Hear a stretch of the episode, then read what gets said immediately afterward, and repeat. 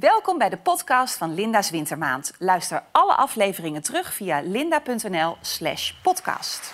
Goedenavond allemaal en uh, welkom op deze derde zondag van de wintermaand. Ik hoop dat iedereen zin heeft om de eventuele kerststress van die laatste inkopen even te parkeren. En lekker relaxed op de bank wil luisteren naar de verhalen van de twee gasten bij mij op de bank. En uh, naar hun favoriete nummers die gespeeld worden door onze fantastische huisband Mel en Vintage Future. Mijn eerste gast speelde met haar zus het NOS-journaal na. Haar bulderlach hoor je twee straten verderop... en ze gaat rustig in haar pyjama naar de supermarkt. Wars van kuddegedrag, wil niet in een hokje passen... en kan in één gesprek links, rechts en de halve moslimgemeenschap kwaad krijgen. Voorvechter van het vrije woord, single mom, journaliste... gek op Rotterdam en op de Kardashians, Fidan Ekis. Hartelijk welkom. Dank je wel. Mijn uh, tweede gast, die komt uh, uit de Bollenstreek, was als kind al een pietie druk. En als het woord flamboyant nog niet uh, had bestaan, dan was het speciaal voor hem uitgevonden. Het ondernemersbloed gutst door zijn aderen. Hij is uitgegroeid tot een enorme publiekslieveling. En we hebben hem leren kennen als een zorgzame paradijsvogel en kasteelheer, Martien Meiland. Fijn dat je er bent. Fidan, nog een dag of tien en dan is dit jaar voorbij. 2020. Ja. ja. Wat zou je het voor een cijfer geven? Oh, het, het is heel dubbel. Ik denk qua carrière um, wel een acht. Ja. Um, qua werk dus. Um, maar persoonlijk, qua hoe je je voelt... Nou, laten we een beetje positief blijven, een zes. Een zes. En waar lag ja. dat aan dan? Ik denk dat wat dat betreft allemaal in hetzelfde schuitje zitten. Het heeft natuurlijk heel erg te maken met corona, familie niet kunnen zien of weinig kunnen zien. Um, ja, ik, ik, had het hele jaar door op verschillende momenten dat ik dacht: jee, maar kan het nog erger? Mensen uh, gaan dood, um, ouderen voelen zich eenzaam. Um... Ja, en jij was op een gegeven moment zonder huis, volgens mij. Nou ja, goed, dat is gelukkig wel goed gekomen. Dus wat dat betreft is het wel weer een succesvol jaar geweest. Uh, ik wilde heel graag verhuizen, wel in Rotterdam blijven en in dezelfde buurt, gewoon op Zuid blijven. En uh, dat was echt een zoektocht. Ik heb een tijdje bij mijn moeder moeten wonen. Want het huis waar ik woonde, de eigenaren, die kwamen terug. Uit Curaçao, lang verhaal. Ja. Uh, dus ik, ik leefde een beetje uit mijn koffer. En uh, daar word je heel onrustig van. Vooral ja. als je werk, zeg maar... Ja, er kwamen allemaal nieuwe kansen, nieuwe mogelijkheden.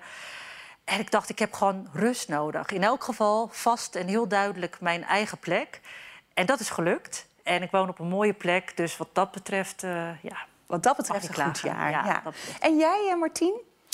Ja, ik vond het ook eigenlijk, ook doordat... Nou, het is ook twee kanten. Wij leefden natuurlijk nog op het château in Frankrijk. Ja. Nou, en uh, niets, uh, de agenda was vol. We zouden het hele zomer zouden we vol zitten. En toen kwam dat corona. Nou, dan moet je die mensen allemaal teleurstellen. Ja. Allemaal die 30% weer terugboeken. Nou, maar aan de andere kant, ja, waren we ook een soort van blij dat we rust kregen. Ja. Want wij waren natuurlijk helemaal, nou ja, overwerkt niet, maar... Ja. Nou, bijna wel, denk nou, ik. ja, weet je, eigenlijk wel. Dus het is bij mij dat corona is in het begin dubbel geweest. Ja, en was je bang dat je het zou krijgen? Ja. Ja? ja, ik ben dat eigenlijk tot op heden. Ik ben natuurlijk uh, begin maart ben ik daar heel benauwd geweest, s'nachts in mijn, in mijn slaap, voordat ik ging slapen. Nou, dat, toen dacht ik, denk wel eens, misschien heb ik het al gehad dat corona. Oh, ja. En toen ben ik, ik was zo erg dat ik ben toen ook direct gestopt met roken. Echt waar? Ja, oh, je ik bent denk, gestopt ja, dit 30, jaar? 35 jaar gerookt, echt gezellig, weet je wel, leuk. Mm -hmm. Maar ik denk, nee, moet je, ik was zo bang. Leuk. En dat hou je tot op de dag van vandaag vol? Ja. Oh, wat goed. Dus ja. dat is wel een, een pluspuntje uit dit jaar, ja. toch? Ja. Maar toch geef ik het een zes. Toch een zes, oké. Okay. Um, ik had van jou eigenlijk een, uh, een hoger cijfer verwacht. Omdat uh, je zit op de, de plek waar menig collega ongeveer een moord voor zou doen. Op de plek van Matthijs. Ja. Uh, maar je hebt best een beetje getwijfeld of je het wel zou doen, hè? Ja, dat klopt. Toen ik hoorde dat ik door was. Uh, voor de vooravond zijn natuurlijk allemaal screentests en zo geweest. Toen werd ik gebeld door mijn uh, agent en zij zei... ja, ik weet niet of ik je moet condoleren of feliciteren... maar ja, je bent het geworden. En vervolgens werd ik door BNNVARA gebeld en dat ging echt zo, ja... Ja, je bent het toch geworden. dus zij wisten al wel dat, dat ik jij twijfels, twijfels had. had. Ja. En waarom had je twijfels? Omdat ik altijd heb gezegd, uh, want ik werd natuurlijk voor de plek waar nu op één zit, na Eva Jinek, ben ik natuurlijk ook gepolst en had ik al mijn twijfels. Het had te maken met ben ik er wel klaar voor, maar ook vijf dagen in de week. Ik heb een klein kind, zeven jaar, zoontje. En je bent alleenstaande moeder, dus je... Ja, dat maakt het nog ja, zwaarder natuurlijk als je vijf dagen fulltime op die plek... En kijk, ik heb natuurlijk jarenlang als tafeldame bij uh, Matthijs aan tafel gezeten... Dus ik weet wel een beetje wat het vraagt. En um, ja, dat, dat was eigenlijk mijn belangrijkste twijfel. Kan ik dit, moet ik dit doen als, um, nou ja, met zo'n klein jongetje, klein ventje thuis? Maar hoe los je dat zo op? Heb je oppas of woont jouw moeder in Rotterdam toevallig dichtbij? Ja, mijn moeder woont vlakbij, dus het is echt ideaal. En ik ben haar ook mega dankbaar. Maar ook dat was natuurlijk lastig met corona. Mijn moeder is ook alweer bijna 70. Dus dat was ook een ja, ding waarvan ik dacht... Um, ja, zij valt straks misschien ook weg, omdat ze niet zo vaak... Uh, ja, mijn moeder was wel heel voorzichtig en uh, zat wel... probeerde zoveel mogelijk uh, mensen te mijden. Mijn ex-man die springt natuurlijk in waar mogelijk. En op een gegeven moment zei mijn moeder... ik begrijp eigenlijk niet waarom jij twijfelt. Want dit is een enorme kans. Ik bedoel, dat snappen we allemaal natuurlijk wel dat het een enorme kans is. Maar zij had ook zoiets van... Mijn moeder wilde altijd actrice worden of zangeres worden. Oh, uh, woonde, is geboren en opgegroeid in Turkije. Op een gegeven moment kwam ze naar Nederland. Had ze toch zoiets van Europa. Ik ga naar een soort Parijs. Nou ja, ze kwam in Rozenburg. Rozenburg is niet echt bepaald Parijs. Voor mensen die het kennen, ik weet het niet. Um, en ze werd schoonmaakster. Dus zij had zoiets van... Um, ik heb niet echt kunnen studeren. Nou ja, dat uh, artiestenleven was ook niet voor mij weggelegd. En jij doet het nu een beetje. Jij hebt die kans gekregen. Wij hebben jullie deze kansen gegeven. En je zou het met beide handen moeten aangrijpen. En zij had zoiets van: jouw zoontje ziet dit ook. Die ziet dat jij succesvol bent en je geeft het juiste voorbeeld. Ben je wel al helemaal jezelf op televisie? Um, meer dan voorheen wel. Ik hoor wel van veel mensen, um, je bent veel losser en we zien meer Fidan dan um, zoals we je zagen uh, bij Op 1. Waar ik gewoon ja, wat verkrampter was ja. en rustiger. En ja, wel wat meer mezelf, ja. ja. Dat is de vraag die jij heel vaak krijgt, volgens mij. Ben je wel jezelf op tv? Is het echt of is het een act die jullie, uh, die jullie opvoeren? Dat lees je ook in de bladen en zo. En, uh, ja, en dan zeg ik altijd maar, ja, de mensen die bij ons op het château zijn geweest... die kunnen het eigenlijk alleen beamen. Want die kwamen die auto uit. Nou, en die bleven dan een nacht of drie, vier en zo. En dan gingen ze retour naar de PIBA. En dan zeiden ze, nou Martien, moet je luisteren. Je bent gewoon jezelf. Ja. Zoals ik je op tv in de Chateau Meiland zie. Zo ben je hier ook gewoon. Ja. En je nou, houdt dat natuurlijk ook niet vol. Nee, dat kan toch niet? Je kan toch niet de hele tijd toneel spelen? Nee. nee. Ik begreep dat er zelfs mensen waren die dachten... dat mijn broer dat kasteel voor jou gekocht had. Mensen zijn niet goed, joh. Die dachten dat, dat jouw broer dat kasteel had... en dat wij dat uh, gewoon gebruikten of huurden. Of... Ja, hoe verzin je het, hè? En eigenlijk is het gek dat iedereen zich afvraagt of je echt bent. Want je bent gewoon geen steek veranderd sinds jouw deelname aan Ik Vertrek in 2007. Ja, oh heb je het. Samen met hun dochters Maxime en Montana zullen Erika en Martien hun intrek nemen in het Franse Château de La Brosse. Oh, wat staat het hoog. Ja, dit is het. Nou.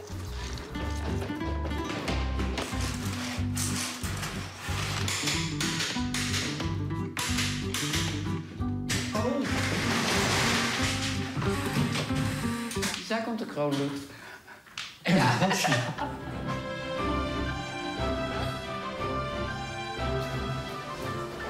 Als jullie dit kan doorstaan, kan het alles doorstaan. Ja, wat weer opmaken? Ja, dat is best iets.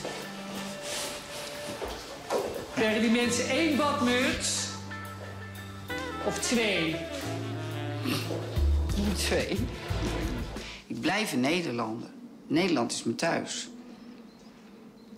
Niet hier. Maar dat wil niet zeggen dat ik uh, elke dag ziek van heimwee ben. Helemaal niet. Maar uh, ik ga weer terug. Dat is zeker. Volgens mij zijn ze wel klaar nu met het voorgerecht. Als jij nou eventjes die soepkommen weghaalt... dan doe ik even het voorgerecht klaarmaken. Ja? Doe jij nou even die soepkommen weghalen? Nee, jij wou table d'eau. Ik heb het geprobeerd. Ik doe het niet. Nou, wat is dit nou even om... Ik doe zoveel voor jou. Jij wou table d'eau, dus jij doet ik doe andere dingen. Nou, dan doe ik het wel weer. Weet je wat ik ook zo leuk vind aan dit soort werk? Dat de mensen die komen, die zijn nou vrolijk, want die gaan op vakantie. Dus die, uh, die komen al in, in goed humeur hier binnen. En dan komen ze hier en dan zeggen ze... Oh, wat hebben jullie een werk gehad. Maar wat ziet het er goed uit. Nou, en dat geeft heel veel voldoening. Gaan ze alle terug. Ik weet het nog zo goed, deze aflevering, want ik heb hem zelf ook gezien. En dat was de volgende dag echt het gesprek van de dag. Ja, dat- Mensen hadden met heel veel plezier gekeken, maar hadden ook iets van... wat is dit voor gezin? En deze man is toch niet hetero? Ja, ja. Heb je dat zelf ook teruggehoord? Veel? Ja, nee, enorm. Wij hadden toen een gastenboek online. Dat was eh, ja, met de, met de, eh, op, de, op de internet, weet je wel. Nou, en dan kreeg je allemaal eh, mensen... die gingen er allemaal hele lelijke dingen schrijven. Ja, en wat, eh, wat moet die homo met die vrouw? En eh, ze noemden Erika en Erik. Weet je, allemaal heel vervelend. naar. Maar ja, weet je... eh, ja, dat, dat zij zo. Ja. Ik- maar da- waar ik nog wel, dat heimwee. hè. Zij had toen last van heimwee. Ja. ja. Je zag echt heeft- dat ze geëmotioneerd was, hè? Ja, Ja. maar dat heeft ze nu dus deze keer helemaal niet gehad. Ze had totaal geen last van heimwee. Nee. Geluk, maar jullie zijn wel weer terug. Maar goed. Ehm, je bent er best laat achter gekomen dat je je Ja. aangetrokken voelde tot mannen. Kan Nou, je dat- aangetrokken gevoeld. Nee, het- ik, ben, ik heb me niet aangetrokken. Ik was op vakantie met, eh, met de twee kleine met de meiden van ons in eh Eilat in Israël. En eh, Erika bleef thuis, want we hadden toen volgens mij twee of drie zaken. Dus die zei van, ga jij gezellig maar met die meiden. En toen, eh, ik had- het was een soort club met, dus ik had s'avonds oppas. En toen ging ik naar een bar, dat was half binnen, half buiten. En eh, nou, ik zat gezellig zo aan die bar met zijn wijntje. En eh, nou, op een gegeven moment kwam er, tikte iemand mij aan. Er was een man en die leek heel erg op die, hoe heet die voetballer ook weer van Frankrijk? Zidane. Zinedine Zidane? Ja, Zidane, daar Ja? leek hij op. Nou, en eh, die zei tegen me, hello, where are you from? Ik zeg, from Amsterdam. Oh, zegt hij, do you want to drink? some-" Yes, I said, wine, hè, wine. Ja. Nou, en ja. en eh, nou, meid, en eh, nou, binnen vijf minuten gebeurde het. Hij pakte mij en hij ging helemaal Zoenen. zoenen. Ja? Ja, nou, ik voelde helemaal trillingen in mijn hele lijf, trillingen. Maar ik zag op hetzelfde moment mijn hele leven zo instorten. Want ik dacht, Ja. dit heb ik nog nooit gevoeld. Dat van binnen. Ja. En eh, toen kwam ik thuis en eh, toen heeft het twee dagen geduurd. En toen zei ik tegen Erika van, eh, nou je moet maar... Want ik ging overgeven, gelijk na het ontbijt. Toen zei ik Zo tegen... van slag was je daarvan? Ja, tuurlijk. Ik was helemaal van slag. En toen zei ik tegen Erik, je moet even gaan zitten. En toen zeg ik, joh, ik ben verliefd geworden. Nou, zegt Erika, dat kan toch? Ja, dat kan, dat is menselijk. Is, het, is ze blond of is ze donker? Of... Nee, ja, ik zeg, nee, het is niet een ze, het is een hij. Nou, toen was er natuurlijk één grote tranenbende bij ons thuis in de keuken. Ja.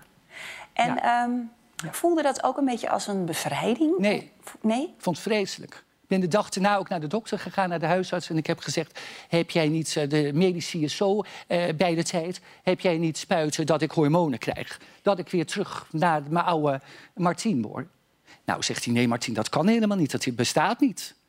Maar je wilde dus niet homoseksueel Nee. Je wilde... Ik, ik zei ook, hè, bestaan er anders pillen die je in kan nemen?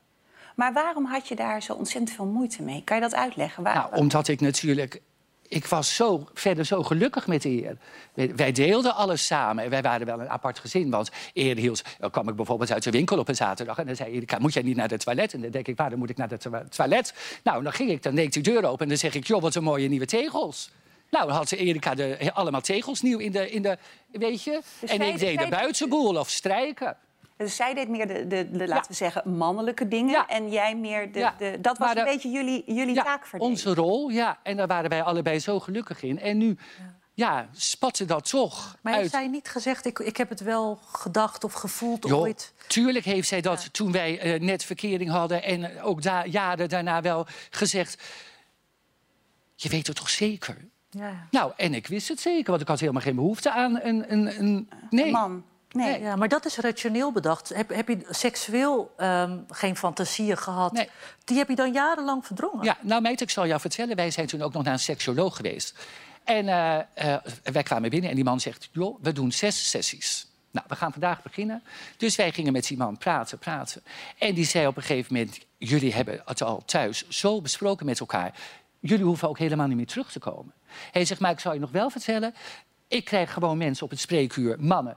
die zijn bijvoorbeeld 62 jaar oud... die zijn bijvoorbeeld 35 jaar getrouwd... en opeens Ja, dus jij denkt wel dat er, dat er veel mannen anno 2020... Hè, want ik denk dan toch... Ja, natuurlijk. Het is misschien altijd een, blijft een moeilijk moment om uit de kast te komen. Uh, uh, maar tegenwoordig is het toch helemaal niet meer zo erg om homoseksueel te zijn. Tenminste, zo, zo, zo denk ik er dan over. Maar denk je dat er veel mannen zijn die in een gezin blijven zitten omdat, ze, omdat ze daar zo veel van houden. Dat ze het gewoon niet stuk willen maken. Dat ze dat aan het plaatje willen voldoen, of wat het dan ook is? Ja, dat denk ik wel. Dat denk ik. ik bedoel, maar dat, dat, dat, heb je ook bijvoorbeeld. Dat mensen bij hetero, een man en een vrouw, die, die blijven ook vaak bij elkaar. Of voor de kinderen of voor het geld. Terwijl ze eigenlijk het liefst elke dag elkaar de hersens inslaan. Maar ja, dat is zo. Ja. Nou ja, dat heb je natuurlijk wellicht ook met, met die mannen. Die zitten in een soort stramien. En ga daar maar uitkomen. Dus als jij het voor het zeggen had gehad, dan was je liever hetero geweest? Ja. Ja, dan was het makkelijker geweest. Ja, dan had, ja dat was makkelijker, ja. ja. Nou zei Erika heel lief tegen jou toen je dat opbiechte... van nou ja, ga het maar uitzoeken. Ga maar Ga maar naar Amsterdam, uh, ga maar kijken uh, of je er gelukkig van wordt. Ja, ik was nog nooit in Amsterdam uit geweest. Dus ik moest ook helemaal kijken uh, waar zitten de gaybars en zo. En inderdaad, op zaterdagavond zei ze, nou ga maar uit hoor. Nou, dan pakte ik de auto. Nou ja, en dan zette ik mijn auto eerst in het begin bij dat, hoe heet het, confectiecentrum. Nou, dan nam ik de taxi, want ik durfde niet met die auto helemaal in die binnenstad. Nou, en dan ging ik inderdaad, dan ging ik daar op die barkruk zitten zo. En dan ging ik kijken wat er allemaal gebeurde. Ja, maar je werd er niet gelukkig van? Nou, uiteindelijk niet, nee. nee. Ik heb dan wel ongeveer zes jaar, vijf of zes jaar ook in Amsterdam gewoond. En toen ben ik bij eer teruggekomen en toen dacht ik eigenlijk, wat heb ik eigenlijk die zes jaar gedaan? Eigenlijk een heel leeg, leeg gevoel. En ik zat s'avonds ook alleen in het appartement. En dan, nou ja, dan zet je, zet je de tv maar. Nee, ja, eigenlijk verloren tijd. Het was niet een, een fijne tweede nee. puberteit of zo? Nee, of, absoluut niet. Maar waarom niet? Omdat je dan toch bang bent om dat contact te maken met die mannen? Omdat je of, ja, en gewend bent aan natuurlijk je relatie... Ja. Ja, ja ik, het, het, was soms ook wel leuk hoor. Want ik bedoel, uh, in, een, in een, een gaycafé, in een gaybar. Nou, je hebt de leukste muziek. Je hebt songfestival. Er wordt nooit geknokt. Nee. Ze zijn altijd lief. Uh, ik, ja. ik vind het dus een geweldige zijn. Ja, ja, ik vind het ook leuk om naar een gaybar te gaan. Ja. Nooit geen aardigheid. Nee. Nee. nee. Nou getuigt het wel, vind ik, van ongelooflijk veel liefde... dat Erika eerst tegen jou zegt, joh, ga het maar uitzoeken. Ja. En dat je dan na een aantal jaar toch tot de conclusie komt... dat je je gezin mist en dat je dan ook met open armen weer... Ja. Dat is toch heel bijzonder? Ja, natuurlijk. Dat is heel bijzonder. Dat vind ik ook. Dat, ja. ja dat maakt ons ook zo... Uh ja, wij houden natuurlijk zo van elkaar. En met de dochters natuurlijk. De beide zijn lekker groot. Nou, een kleine Clairtje is er. En we wonen natuurlijk heerlijk in dat Hengelo. Zo met elkaar. Zo, zo wil je het? Ja, zo wil ik het eigenlijk. Maar dat, dat wil niet zeggen dat... Uh, dat ja, stel je voor dat ik bij de, bij de supermarché loop en ik kom het bochtje om en ik stoot met mijn kar tegen een, en die man die kijkt mij aan en die zegt ga je mee wat drinken en weet je dat geldt voor Erika ook die kan ook een, iemand tegenkomen. Wat dat betreft laten jullie elkaar vrij. Maar stel dat je echt verliefd wordt, hoe, hoe moet dat dan met het gezin? Nou, hoe, zie je dat voor dan je? moet die man eerst uh, die komt gezellig uh, bij ons een wijntje doen en dan uh, gaat Erika met hem praten en onze Maxime en Montana ook en dan gaat die man weg en dan zeg ik nou wat vinden jullie van hem? En als hij niet Mag hij blijven? als hij niet door de ballotage nee, komt... Dan, dan, dan, doe ik het ook niet. Dan komt hij er niet nee, in? dan komt hij er niet in. Hoe heb jij Erika ontmoet eigenlijk? Goh, waar heb ik Erika? Ja, ik heb Erika... Op, ik, werk, ik had seizoenwerk. Seizoenwerk had je in de, in de Bollenstreek. En dan heb je natuurlijk zijn keukenhof, weet je, met die tulp en die narcissen en zo. Ja. En dan had je een voorrestaurant en je had een theehuis. En ik werkte in het theehuis en Erika in het voorrestaurant. Maar er was iets aan de hand waardoor zij overgeplaatst werd naar het theehuis. En ik zie me nog staan. Ik, uh, stond, ik had een koffiemachine had ik onder controle met een saucijzenbroodjes zo, met zo'n buffet waar dan mensen langs lopen. En ik sta op een trapje en uh, hallo, zeiden ze, we moeten even voorstellen. Dus ik kijk naar beneden, dit is Erika. En ik geef een hand en ik kijk haar aan en ik denk gelijk, wat een leuke meid. Ik vond haar gelijk zo leuk. En zij blijkbaar mij ook, want ze zei tegen me... Even goed zitten. ze zei tegen me... Um, hoe laat ga jij lunchen? Nou, ik zeg om een uur of één. Mag ik met jou lunchen? Ik zeg, ja, dat mag. Nou, dus wij gingen eten. Lachen met elkaar, joh. Lachen. Meteen lol. Gelijk lol. Ja. Dus de andere dag. Samen weer, lunchen. Ik zeg ja, samen. Nou, en meid, dat was uh, zes weken werken of acht weken werken. En uh, toen was het over. En het was prachtig weer. Dus wij hadden uh, telefoonnummers uitgewisseld. En wij gingen lekker naar het strand, naar Noordwijk samen. Weet je, lekker achter zo'n windscherm. En toen zei ze tegen mij, ben je wel eens weer op vakantie geweest in Frankrijk? Ik zeg, Frankrijk? Nee. Ik zeg, wij komen niet verder dan eh, Brabant. Je was nog nooit in het buitenland Nee, geweest? nog nooit in het buitenland geweest. Nee. Oh ja, één keer in Spanje, naar Benidorm. Oh, oké. Ja. Toch wel. Ja, één keer. Nou, en toen zeg ik, maar ga jij naar Frankrijk? Ja, ze zegt, mijn vader en moeder die gaan elke zomer... haar vader was leraar, zes weken naar Frankrijk. Aan de Côte d'Azur. Maar ze zegt, ja, weet je, ik word nou ouder... ik wil niet meer met mijn vader en moeder. Zullen wij samen gaan? Ik zeg, meid, wat leuk. Dus wij gingen met een rode talbot of zo, een talbot... Ja. met een- mijn auto... Eh, ik rijden en zij had zijn rijbewijs nog niet. En wij naar Zuid-Frankrijk. Hoe oud En met- was Erika toen dan? Erika was volgens mij een jaar of twintig. Heel jong. En toen zeiden we tegen haar ouders... weet je, we blijven weken weg. Want wij gaan ook druiven plukken. ja, we gaan druiven plukken. Maar eh, we zaten daar op zo'n camping met een tent... en dan gingen we elke dag gingen we in zo'n hele hete telefooncel bellen. Oh ja. Want dat had je toen. Ja, in zo'n vreselijk. Ja, een hele hand munten moest je Ja, meenemen. klopt. Ja, Ja. dan had je nog Franse franken. En eh, toen hadden we gebeld. Toen zegt eh, Erika de moeder... Eer, je moet terugkomen naar huis... want je moet voor de derde keer op voor je rijden. Nou, dus dat druivenplukken ging niet door. Dus toen zijn jullie weer teruggegaan. Toen zijn we teruggegaan. En heel vroeg gaan samenwonen. Hè? En, nu, en nu al, hoe lang zijn jullie bij elkaar? Nou, vanaf 85. 85 zijn wij eh, getrouwd. Het is echt wel een heel bijzondere relatie. Gescheiden, Ja. toen weer getrouwd. Ja. eh, twee dochters. Ja, leuk hè? Oh, ja, twee dochters. Ja, en het feit dat er dan eh, tussen jullie geen zeg maar, intimiteit is... Nee. dat maakt dan niet uit Nee. als je zoveel van elkaar houdt. Ja. Ja. Ja, ik, zou ik, ik, ik kan me gewoon niet voorstellen dat ik ergens alleen zou wonen. Nee. Nee. Jullie kunnen niet Altijd lekker elkaar. samen. Ja, gezellig. Eh Fidan, jij had ook eh, zo'n ideaal plaatje in je hoofd. Ongetwijfeld, denk ik, eh, toen jij ging trouwen. Jullie hebben elkaar... je, je bent getrouwd geweest met journalist Weer Duk. Ja. Jullie hebben elkaar leren kennen toen jij correspondent was in Istanbul. Istanbul, ja. Ja. ja Waar viel je op? Oh. nou, wij hebben eigenlijk heel lang een afstandsrelatie gehad. Dus dat ging eigenlijk met eh, bellen in zo'n telefoonhok, toen in mijn tijd ook nog.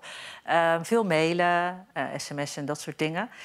En ehm, ja, waar viel je op? Ja, je bent allebei journalist. En ik denk... Vakgenoot. Ja, vakgenoten. En ik, volgens mij ehm, zochten wij ook eerst ehm, eh, contact met elkaar over werk. Ja, raak je met elkaar aan de praat. En wat je deelt is eh, de nieuwsgierigheid, denk ik. En dezelfde blik op bepaalde eh, zaken. Heel veel kunnen praten over wat gebeurt in de wereld. Ik denk ook wel de maatschappelijke betrokkenheid. En ehm, ja, maanden later kwam eigenlijk voor het eerst eh, de ontmoeting. Ja. en de liefde. Ja. Ja. Toch is dat huwelijk helaas niet gelukt. Jullie zijn nu drie jaar gescheiden. Was het moeilijk om afstand te nemen van dat perfecte plaatje van papa, mama, kind? Ja, ja. Ik, ik vind dat nog steeds moeilijk. Dat, eh, ja, je bent toch wel heel erg opgegroeid met het beeld van... ehm, ja, dat plaatje. Eh, Vader, moeder, kind. Ik wilde altijd heel veel kinderen, het liefst vier. Nou, uiteindelijk één. Daar ben ik ook al wel heel blij mee. Ehm, ja, ik denk altijd dat dat is omdat ik toch wel in een traditioneel eh, gezin ben opgegroeid. Ehm, in Turks-islamitische gemeenschap ook. Dat was ook wel een beetje wat je om je heen zag. Dat was wat mijn ouders hadden gedaan. Wij waren ook met vier kinderen.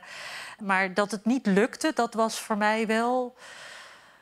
ehm, ja, ja, mislukking zal ik misschien niet zeggen, maar het voelde wel als, Als falen. Ja. Ja, Ja. dat hoor je vaak, hè? Dat het zo ervaren Ja, wordt. ja, Wel. maar ja, iemand die ook Ja. heel intensief aanwezig is in je leven, is er ineens niet meer. Dus ik, het, ik denk dat, dat jij dat ook heel erg herkent. Dat wat je net ook vertelde, met elkaar kunnen lachen, met elkaar kunnen praten. Iemand is constant aanwezig, ook op werkgebied. Ehm, eh, je klankbord, alles. En ineens ehm, is daar die Verwijdering. verwijdering. Ja. En, en want, want je bent nu alleenstaande moeder. Vind je, dat, ehm, vind, je het ook fijn omdat je een soort vrijheid hebt? Of vind je het ook zwaar? Ehm, nou, in het begin eh, was ik er wel heel blij mee. Ik weet nog dat ik de trap afliep en ik dacht, huis voor mezelf. Eh, lekker rustig. Ja, op een gegeven moment begint natuurlijk heimwee en gemis. En ehm, ja, goed, de liefde was bij ons ook niet voorbij toen we uit elkaar gingen. Het, het werkte gewoon niet meer. Eh, maar op een gegeven moment ehm, heb ik wel heel erg mezelf gevonden. Ik weet nog dat ik toen echt dacht... ja, alsof ik alles opnieuw moest opbouwen. Omdat, wat ik al zei, we zo intensief ehm, samen waren geweest altijd. En een kindje, klein kind. En ik ben hoofdverzorger, dus ik moest ineens allemaal alleen doen. Volgens mij was ik net freelancer geworden. Dus dat was financieel ook best wel spannend, inderdaad. En eh, eh, nou ja, mijn familie is daar wel heel erg eh, geweest om, om me te steunen. Mijn moeder zei, weet je, we hebben jullie geleerd... als je valt, sta je weer op. En die mentaliteit, dat doorzetten, heb ik wel heel erg van huis uit meegekregen. En ja, het, het, het is te bizar voor woorden. Waarschijnlijk komt het omdat je dan vooral op je kind en, en op je werk dus gaat focussen. Nou, daarna ging het sky high bij mij. Ja. dat ik, wel, ik, ja, ik was op een gegeven moment wel echt trots op mezelf. Dat ik dacht, wow, kijk hoe ik als single moeder uh, die wel heel veel verdriet heeft. Ja, wat ik heb bereikt en opgebouwd. En, en ook volwassen geworden, voor mijn gevoel, voor het eerst. Um, wij deden heel veel samen. En ja, op een gegeven moment denk je... nou, ik kan dit uh, prima alleen. Ik, ik heb, ja... Maar ja, je en, moet ook wel. Je, je moet. Ja, je moet. Ja. En, en sta je open voor een nieuwe relatie? Of heb je zoiets van, nou, ik, ik heb het nu zo lekker voor elkaar. Ik vind het eigenlijk wel prima zo. Ik vind het eigenlijk wel prima zo. Het is ook niet dat ik denk, ik zoek wel niet... Um, het, het, is gewoon oké. Ik, uh, ik heb er ook niet zoveel tijd voor. Nee. Ik uh, heb een drukke baan. Um, en mijn, ja, ik wil gewoon alle tijd die ik daar verder heb, overhouden, wil ik gewoon in, um, in je kind steken. In mijn kind ja, steken maar ja. daten lijkt me ook best ingewikkeld. Als je, je bent inmiddels een heel bekend gezicht. Dat lijkt me, dat, dat lijkt me heel ingewikkeld. Nou, wat ik erover hoor, is niet echt. Uh... Dat je denkt, yo, ik ga het zo Nee, helemaal niet. Ik vind het echt verschrikkelijk. En, en het gekke is dat mensen die erover vertellen, die. die ja, zijn het of gewend of hebben zich erbij neergelegd. Maar ik denk echt altijd, hoe onromantisch wil je het maken? Ja, ik vind sowieso dat online dating... en inderdaad, je zegt het, weet je, als bekende... ga je dan ook nog niet zo snel op zo'n op zo'n dating site. Hi, ik ben Toch doen een heleboel het, hè? Ja? Dat, uh, ja Zitten nou, er bekende mensen op Tinder? En nu denk je, hoe weet je dat dan? dat dacht ik wel, ja. Nee, maar dat, dat hoor je gewoon. Um, en, en ze vertellen het me. Ja. Want wij staan gewoon op zo'n site. Ja, ik, ik vind het je wilt hem gewoon uh, per ongeluk een keer tegenkomen. Ja, precies. Dat denk ik, dat past beter bij jou. Ja, en ik wil gewoon, het liefst wil ik gewoon zo'n brief bezorgd door een postduif. Het liefst geschreven met een ganzenveer. Weet je ja, ja, ja. Wel heel ja. erg gechargeerd. Gewoon een stukje romantiek, ja. Een stukje, nou, maar wij hebben dat in Nederland ook bijna niet. Kijk, mensen zeuren over Valentijnsdag. Ik denk, ja, tuurlijk, prima, commerciële dag. En je kan er van alles over zeggen. Maar ga nou ook niet die ene dag... dat, dat die mannen wel hun best doen van ons afpakken. Dat denk ik dan. ja, dat is dan die ene. Ja, ik, ik zal niet voor alle mannen spreken... voordat ze weer helemaal losgaan op uh, sociale media. Maar ja. Heb jij een ideale man? Iemand waarvan je zegt, nou, die vind ik wel heel... Dat, dat heb ik al een paar keer in de media geroepen. Oh ja? Ja, met zijn naam erbij. Weet je het echt niet? Nee, ik weet het echt niet. Nou, ik ga het ook niet zeggen of je het zo, uh, oh. zo armoede. Oké, nou dan laten we hem Nee, laat maar. Vertel het me straks maar. Dan. Dat mag, jij. Ja, dat is goed. Oh, daar ben ik wel heel nieuwsgierig. Dat vertel ik het jou ook in de kleedkamer. dan kunnen we het erover over ken ik Hem, ken ik hem? Ja. Oh. Oh, dat ben ik ook. Maar hij is al helemaal al jaren gelukkig met een man. Dus, oh. Maar dat vind ik een leuke man, zeg maar, om te zien. Nou, maar dat kan je toch wel zeggen nou, Oké, okay, Victor Brands.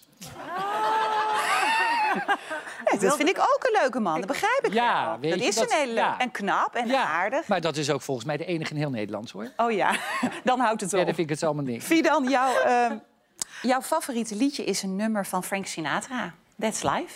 That's Life. Veel geluisterd in die periode, um, naar mijn scheiding ook. Um, eigenlijk wel alle periodes dat het dan niet zo lekker gaat, volgens mij. Maar, Want een optimistisch nummer? Ja, soort... vrolijk. Ja. Um, en uh, ja, het geeft uh, gevoel van hoop en troost, vind ik. En ik ben gek op Frank Sinatra, dus uh, dat past allemaal. Mijn zoontje inmiddels ook al een beetje. Oh ja, die vindt ook een leuk beetje aan het uh, indoctrineren. Hoe oud is jouw zoontje dan? Zeven. Oh, zeven? Ja, zeven, ja. Ik zeg dan tegen hem van, wie is de beste zanger? En dan zegt hij Elvis Presley en Frank Sinatra. En Frank Sinatra. Ja. Nou, we gaan er naar luisteren. Niet door Frank Sinatra, ja. maar door Mel en Vintage Future. Tom Dijkman en Nico Brands. Mel, geweldig. Het is zo goed. Lekker, geweldig. Ja. Weet je wel, heb jij dan ook dat je dan denkt... ik word hier zo gelukkig van. Je ik bent natuurlijk heel lang niet weg geweest, niet uit geweest. Dit is voor mij echt een feestje. je even lekker weg. Een avondje uit. Ja. We mogen we elke week komen. Ja, heerlijk. Ja. Uh, Martien, vertel eens, waar, waar is de kleine Martien opgegroeid... en wat was jij voor jongetje? Nou, ik ben natuurlijk geboren in Noordwijkerhout... Mijn moeder heette Nel Duivenvoorde en mijn vader Nico Meiland. En uh, nou, het gezin bestond dus uit een vader, moeder en een broer Jaap en een zus Nelke. Nou, en ik was volgens mij een heel eh, een jongetje wat heel, eh, ja, hoe zeg je dat nou?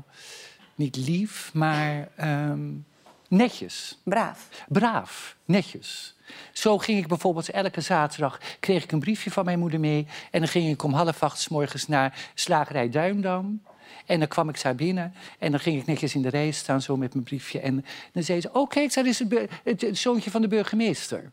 Dat dachten ze. Ja, dat dachten ze. Of was het je bijnaam of dachten ze Nee, dat? maar ze- omdat ik natuurlijk altijd zo, zo netjes, zo braaf was. En dan gaf ik zo dat zo, weet je wel zo. En dan kreeg ik de boodschappen zo mee. En eh, ja, dat, dat zeiden ze dan. Jouw moeder was huisvrouw. Ja. En eh, zij kon niet lezen en niet schrijven. Analfabeet. Ja, ja. analfabeet. Ja. Hoe, hoe kon dat gebeuren, dat zij analfabeet was? Nou, ik denk dat zij op een gegeven moment... eh, mijn opa had een aardappelhandel. En eh, ik denk gewoon dat er gewoon heel veel werk was. En dat ze hebben gezegd, eh, nou die oudste, die Bets, die gaat wel. Maar jij blijft thuis. En eh, jij gaat gewoon helpen hier. En ja, dom natuurlijk. Dom. Ja, wie, wie haalt nou zijn kind van school? Ja. Ja, nou ja, dan krijg je dat dus. Dus niet lezen en niet schrijven. Dus als ik dan bijvoorbeeld van school kwam met een rapport... dan moest dat ondertekend worden. Dan ging ik nooit naar mijn moeder. Dat deed je vader. Dat deed mijn vader. En als mijn vader niet thuis was, ging ik naar een tante. En die deed dat dan. Werd je gepest op school? Met je burgemeesters, zoontjes? Ja, ja nou, ik heb een periode gehad dat ik inderdaad eh, heel vaak eh, op het schoolplein... eh, dan riepen ze steeds meisje, meisje. En nou, dan liep ik weg. Maar dan kwamen ze weer terug en dan gingen ze dat weer zeggen. En een aantal jaren geleden heeft een, een bekende Noordwijker houter... die iedereen heel goed kent, die zei tegen mij van, en tegen mijn broer... ik heb zo spijt van. Oh, dat echt ik waar? Ja, dat Dat ik dan toen... Ja, is lief, hè? Ja. dat hij dat, eh, dat, hij dat zei. En eh, toen zei hij dat ook tegen mij. En toen zei ik, joh, ik weet helemaal niet, was jij dat? Weet je, dat wist ik niet eens meer. Je wist wel hij dat het gebeurd was, maar niet ja, wie het precies, gedaan maar niet eh, die het... de- ja. Ja. En, en later op de middelbare school zette zich dat voort? Nee, op de middelbare school werd ik op een gegeven moment heel populair. Dan werd ik opeens, dan mocht je zo'n klassenboek bij je houden. Ja. Weet je wel? Ja. Zo. Dat, ja, dan moesten mensen, de kinderen moesten stemmen. Die werd dan eh, de vertegenwoordiger dat jaar van de klas. Ja. Klassenvertegenwoordiger. Ja. Ja. dat ben ik ook een jaar geweest. Dus ja, ja. En je bent opgegroeid in een Rooms-Katholiek gezin. Ja. Gelovig gezin. Ja, altijd eh, zaterdagavond eh, een periode. Ging je om zeven uur naar de kerk. Maar dan was het weer een tijdje. Dan gingen we bijvoorbeeld zondagmorgen om acht uur. En dan weer zondagmorgen om tien uur een keer. En dan gingen we daarna natuurlijk, na de mis, gingen we dan bij opa en oma koffie drinken. En dan eerst bij de opa en oma van mijn moeder in, het, in de Noordwijkerhout. En dan reden we in de middag reden we naar de opa en oma in de Zilk van mijn vader. Dus altijd naar de kerk. Altijd naar de kerk. En ehm, geloof jij nog steeds? Eh, eh, bid je? eh, Ja, elke avond bid ik. Ja, elke avond. elke avond voordat ik ga slapen. Ja. En waar bid je dan voor? Nou, dat we dank- dankbaar moeten zijn, dat we het zo goed hebben. Dat we, ja, ja we, dan denk ik, ja, dan bid ik. Dan, ja, dat we gezond zijn nog, ook met elkaar, weet je, het gezin. Dat we Ja. nog bij elkaar zijn. Weet je, je, je kan ook wel... Er zijn ook mensen die bidden alleen maar als ze in de narigheid zitten. Nou, dat vind ik zo hypocriet. ja, dat vind ik zo vreemd. En weet je wat ik ook zo hekel aan had vroeger? Nou. Dan eh, gingen wij altijd plichtsgetrouw elke, elk weekend naar de kerk. En dan gingen we met kerst. En dan waren we iets later. En dan zat de hele kerk vol. En dan moesten wij staan. Oh ja, met de mensen die alleen Nou, dat haat ik. Dat vind ik zo vreselijk. Ik blijf nou ook thuis. Ja, Eh, in het boek las ik dat eh, bij jullie thuis was er door de week heel veel ruzie. ja, Eh, en in de weekenden was het dan heel gezellig. ja. Hoe, hoe, hoe kan dat? Ja, nou ja, mijn vader was natuurlijk alcoholist en eh, die ging altijd na zijn werk door de week heel vaak de kroeg in. Nou ja, en dan kwam hij laat thuis en dan was het altijd bonje thuis. Nou ja, en dan werd het weekend, dan was hij eh, niet aan het werk en dan was hij thuis. Nou, en dan was het, ja, dan was het altijd koekenij. Ja, En dan was het gezellig. En dan was het ook gezellig. Ja, dan was het echt gezellig. Aan die ja. weekenden heb je wel leuke herinneringen. Want wat deden jullie dan? Nou, dan gingen we bijvoorbeeld uh, of eh, we gingen naar familie op visite. En eh, nou ja, op zich, die zondag was ook nog wel leuk. Naar de kerk heb ik eigenlijk nooit een hekel aan gehad. En dan gingen we inderdaad koffie drinken bij de ene. En dan om een uur of twaalf, half één gingen we dan in de zilk. Nou, ging mijn moeder aan de, hoe heet het nou? Uh, Koebergijs. Bessenjenever. Bessenjenever. Ja. Ja, ja, ja, ja, ja. En dat had een soort gezellig. Ja, en dan gingen we naar Zandvoort. En gingen we lekker, lekker visjes halen aan de boulevard. Maar je had geen goede band met je vader. Nee, nooit gehad. Nooit gehad. En kwam dat door zijn drankprobleem? Ja, nee, maar ook nee. Ik, ik had gewoon helemaal geen, geen klik met hem. En op een gegeven moment werd mijn moeder ziek. Maar dat wist ik niet. En wij zaten in de auto op de snelweg. En van het ene moment zegt mijn vader gewoon tegen mij. Want nou, ik had waarschijnlijk een opmerking van... ja, blijf je nou, kom je nou morgenavond wel eh, norma- op een normale tijd thuis... dat we kunnen eten? En dan zei hij, ja, maar ik zit ook met een probleem... want je moeder heeft gewoon kanker, hoor. Nou, dat wist- zei hij gewoon zo, out of the blue tegen mij in de auto op de snelweg. Dus Dat, niet- dat ik zei tegen hem, ik zeg, ik wil nou dat je de auto neerzet aan de zijkant. En ik wil eruit. Dus ik stapte eruit. En eh, toen ben ik ook gewoon naar huis gelopen. Ja. Maar ik heb nooit een goede klik gehad. Nee, niet invoelzaam. Het klinkt niet als iemand die zich makkelijk kan verplaatsen in zijn kind.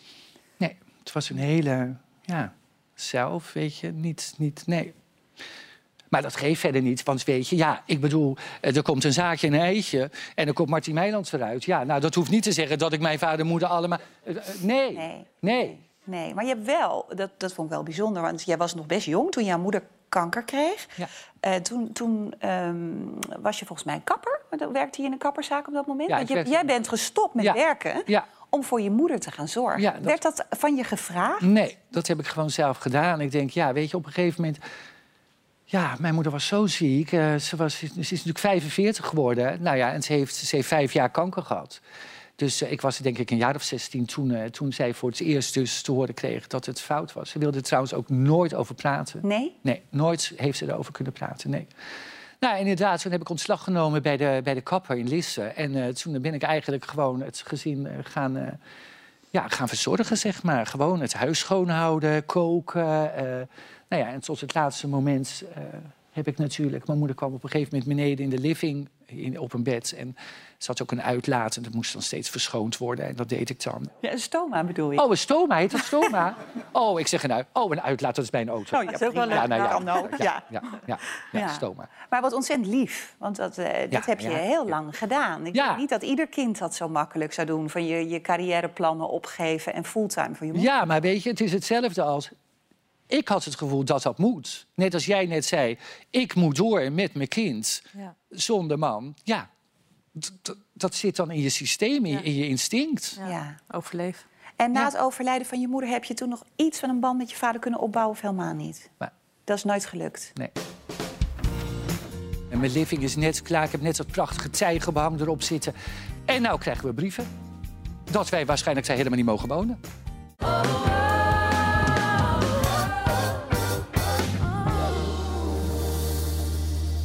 Nou, ehm, vertelde je dus net dat je vader ehm, een alcoholprobleem had. Maar dat had jouw oma ook al. Ja, zij, zij moeder ook. Dat was de moeder van je vader. Ja. Die dronk ook veel. ja, ja, ja. Ja. Ehm, maar ja, ik zie jou natuurlijk in Chateau Meiland altijd gezellig wijnen, wijnen, Ja. wijnen. Dan krijg ik toch de indruk dat je er zelf ook niet echt in spuugt. Nee, dat je graag een glaasje drinkt. Ja. Ben je nooit bang dat je dat gen hebt? Nee, maar mijn vader dronk bijvoorbeeld ook sterke drank. Weet je, jonge jenever en zo. En ja, als je daar natuurlijk ook 's morgens vroeg mee gaat beginnen... dan is dat hele foute boel. Ja. Nee, ja, weet je, ja, ik vind het gezellig, een wijntje. Maar Erika ook, weet je, die zegt ook heel vaak met zijn lunch... zullen we een wijntje doen? Zeg nou nee hoor, mij niet bellen. Ik wacht nog even. Ja. En soms wel, in het weekend wel, vind het gezellig. Maar niet, oh, niet, eh, je hebt nooit het gevoel gehad van... oh jee, Nee. ik heb dat DNA van Nee. mijn vader en mijn Nee. oma. Want jouw, vader, eh, jouw oma is van de trap gevallen. Ja, die viel van de eh, trap. Ja, die was natuurlijk zo dronken, die viel van de trap. Nou ja, moet je luisteren, klaar. Ja, Ja, dat kan. ja. Ja, Het is een, eh, helaas een bekend eh, verschijnsel, ook in jouw familie. Hè? Want jouw vader had ook een probleem met alcohol. Die is wel gestopt hè, op een gegeven ja, moment. op een gegeven moment wel gestopt. Mijn, ja, mijn vader is eigenlijk gaan drinken, ja, zijn zorgen gaan wegdrinken. ehm, dat, wat ik nooit heb begrepen toen ik zelf klein was. eh, want ik, het gaf veel spanningen thuis. Want mijn moeder werd dan boos omdat hij dronk. En omdat hij daardoor ja, gewoon minder... Ja, heel zei, herkenbaar, Dan ben ja. je gewoon niet echt de leukste thuis. En dat gebeurde ook wel gewoon door de week als hij werkte. En in het weekend maakte niet zoveel uit. En ik heb jaren later heb ik een documentaire gemaakt over de migratiegeschiedenis van mijn ouders. En toen heb ik het hem ook gevraagd. ehm, wat, wat, wat was dat nou? En want ja, op een gegeven moment eh, dronk je geen druppel meer. Wat is het nou in die periode geweest? En toen vertelde hij, hij zei, de druk was gewoon te groot. Ehm, er was sprake van statusverlies, want je, je moest hier toch zwaar vies werk eh, eh, verrichten. Eh, onze familie terug in ehm, Turkije verwachten dat we rijk zouden worden. Wij verwachten dat ook, want we, we gingen naar Europa om te werken. Dan moest je wel met iets terugkomen. En dat gebeurde natuurlijk niet, want ja, het was toch een teleurstelling voor Moest ze. jouw vader wel de schijn ophouden? Ja, ze moesten ehm, allemaal de schijn ophouden. Ik vond het ook te bizar voor woorden om het ook van anderen te horen. Dat zij echt, dit, dit, dit vond ik echt. Nou, het meest bizarre wat ik, wat ik heb ontdekt tijdens die interviews, dat, dat wij blijkbaar geld leenden. Ehm, en kleren kochten, zeg maar, op afbetaling. Om de indruk te wekken in Turkije dat, dat het goed ging met ons. Ehm, terwijl we eigenlijk heel diep in de schulden zaten. En je kan je afvragen, ja, waarom? Dom. Maar ja, het waren jonge mensen. Mijn, mijn moeder was twintig. Ze waren gewoon kinderen. Ja. En, en ehm, wa- wat had het voor effect op jullie? Je ouders zo hard werkten en, en moeite hadden rond te komen. Wat, moesten jullie dan extra braaf zijn of, eh, of extra goed presteren? Of wat had het voor effect op jou?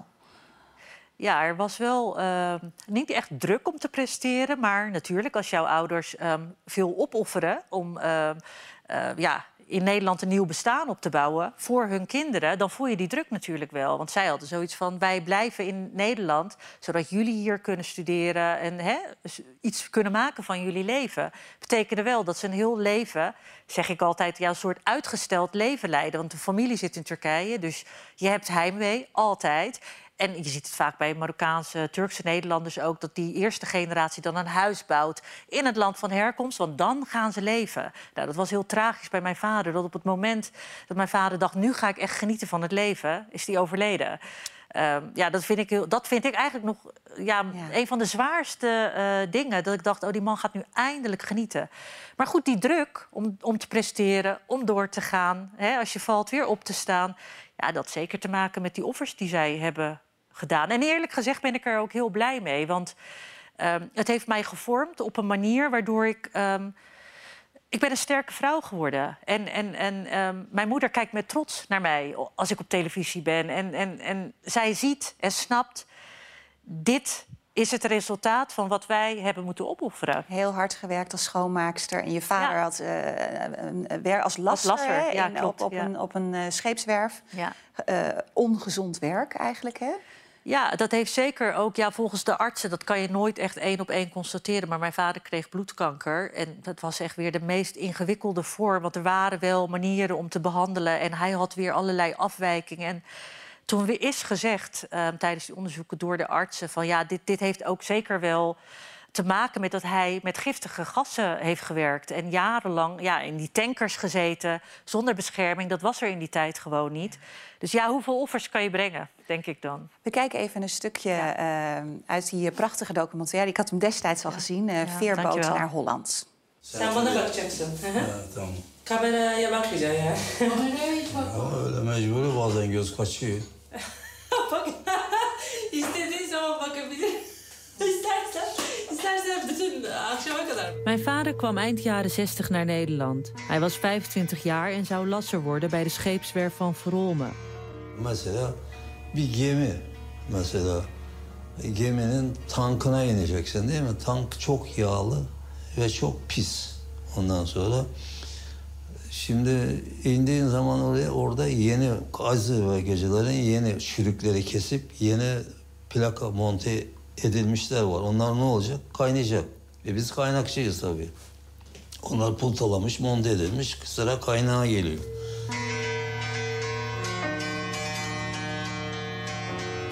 En çok çalışan yabancılardı. Türkler.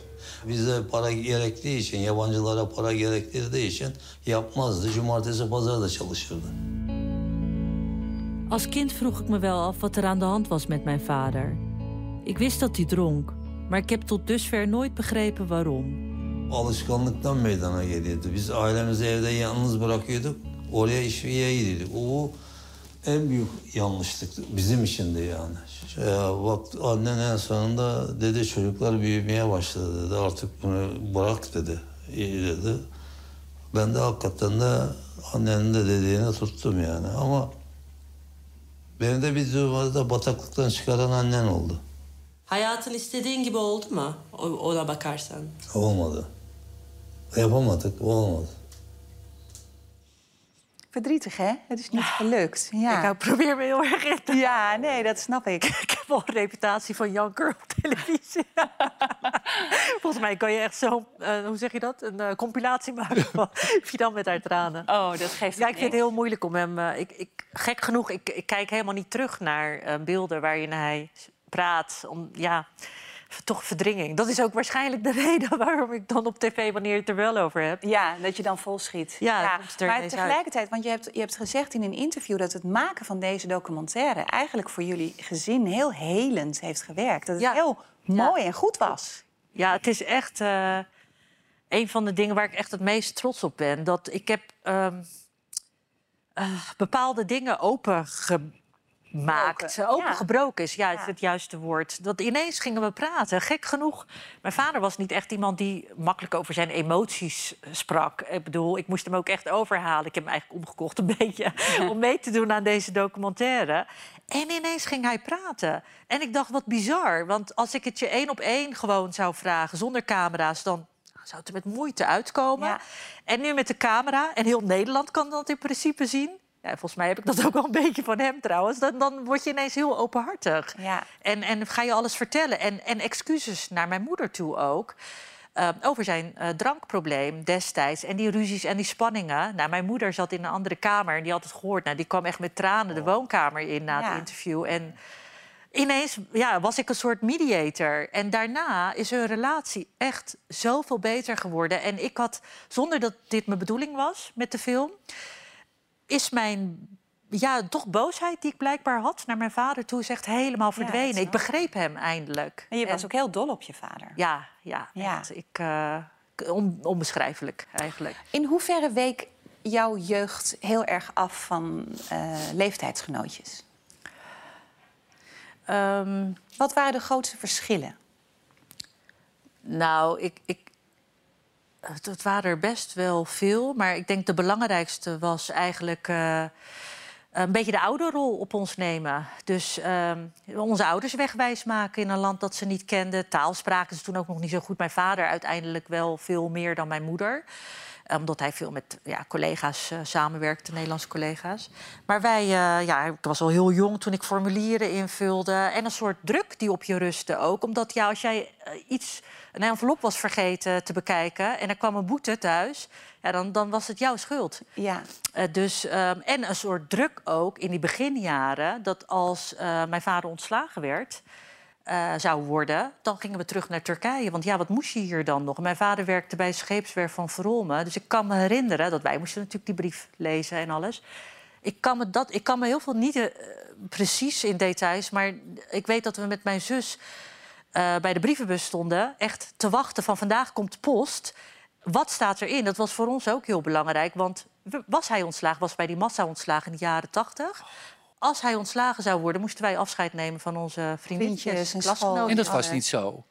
Nee, uiteindelijk, ja, uiteindelijk wel. Maar toen waren wij, ik ben al heel jong begonnen met werken. Uiteindelijk hadden wij ook al snel een bijdrage thuis. Mijn moeder werkte natuurlijk. En maar we hadden onze weg wel een beetje financieel gevonden en het besluit genomen om te blijven. Maar uit die documentaire bleek heel erg dat jouw moeder ook niet wist van bepaalde gebruiken in Nederland. Dus bijvoorbeeld jouw zus moest afzwemmen. Ja. En dan stonden daar al die ouders met bloemen en, en, en, en voor haar was er niemand. En, en, en kerst en, en dat soort, en Sint en zo, dat, dat werd ook niet, daar werd niets aan gedaan. Nee, met dat zwemmen was het zo dat toen ik ging afzwemmen voor mijn A-diploma, dat mijn zus ook maar twee jaartjes ouder dan ik, tegen mijn moeder zei: Ma, dit is echt belangrijk. Je moet erbij zijn. Je, je, je eh, alle ouders zijn er. Ja.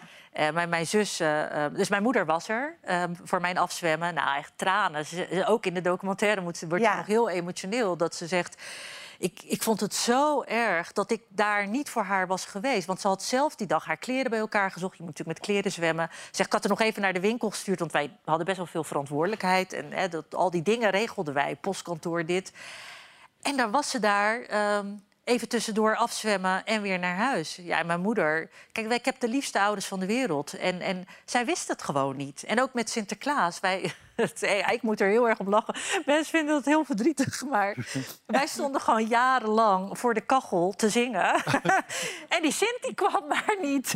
Alle mijn ouders. Ja, je legt je schoentje. Oh, zielig. Je zet je schoentje. En zij wisten niet Dat daar iets in moest. dat daar iets in moest. Dat was echt wel een beetje in de beginperiode hoor. Dat wij dachten, ja, op school wel. Zou de Sint dan niet bij de Turken thuiskomen? Zijn wij stout geweest het hele jaar? Ja. geweest? Oh, wat erg. Ja, ja, dus Ja. dat was... eh nou, en maar zingen, en maar zingen. Waar blijft hij nou? Ja, en dat klinkt allemaal heel sneu. Kijk, dit zijn wel dingen die mij hebben gevormd... en waarvan mijn ouders later ook zeiden...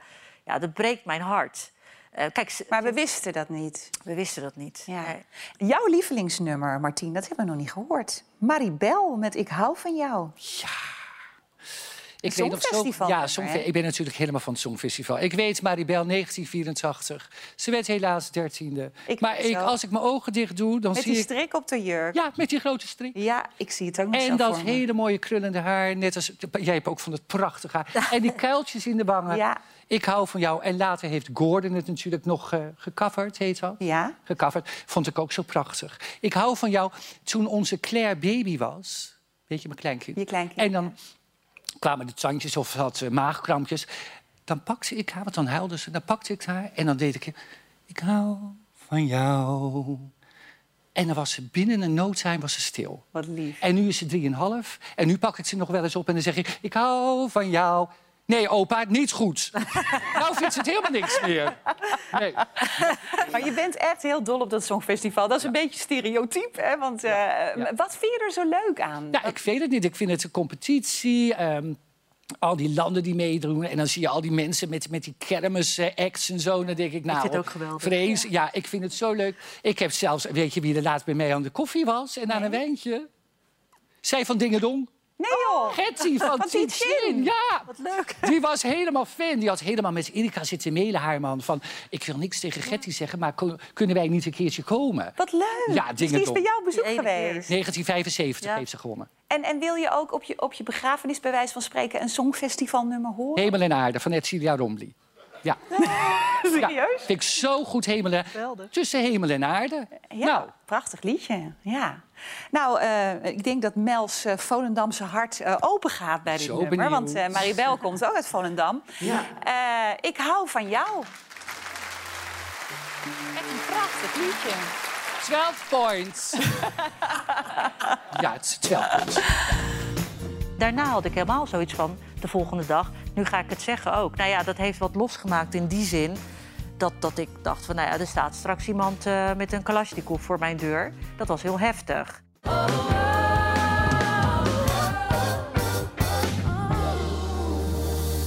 Eh Martien, jij bent ehm, door Chateau Meiland natuurlijk zo ongekend populair geworden. Daar is een, een complete televisiecarrière uit ontstaan eigenlijk. We kijken even naar een compilatie. Welkom bij Cash or Trash. Ik zie helemaal onze kleine Claire op het château. Helemaal op dat ding. Ja. Zo, Ja, zo kan het. Ja, ja. En als je je hand daarin Ja. drukt, dan ga je vooruit. Oké, nou, daar gaat hij. Oh, ja. Oh. Oh, ik ben er helemaal kapot van. Zo enig. Wat doet hij het goed.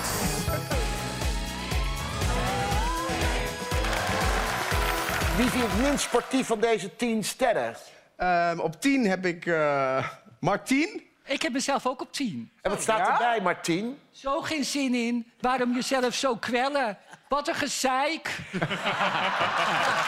dan moet je van die sportschoenen aan en dan moet je in de auto en dan moet je naar zo'n zaal. Je kan ook gewoon hardlopen, hè, vanuit je huis. Hardlopen.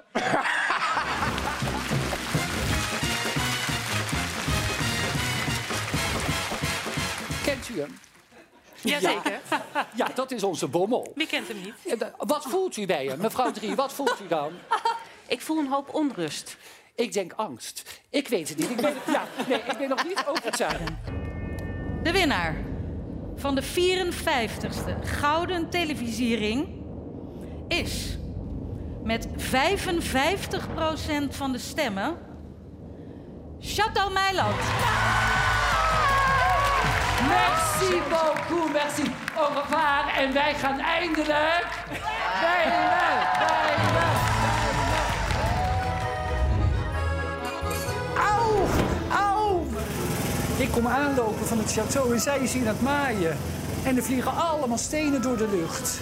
Hé, hey, hoor je mij niet? Nee, ik hoor niks. Jij bent hier aan het maaien en ik kom aanlopen en er vliegen al allemaal stenen zo naar die kant.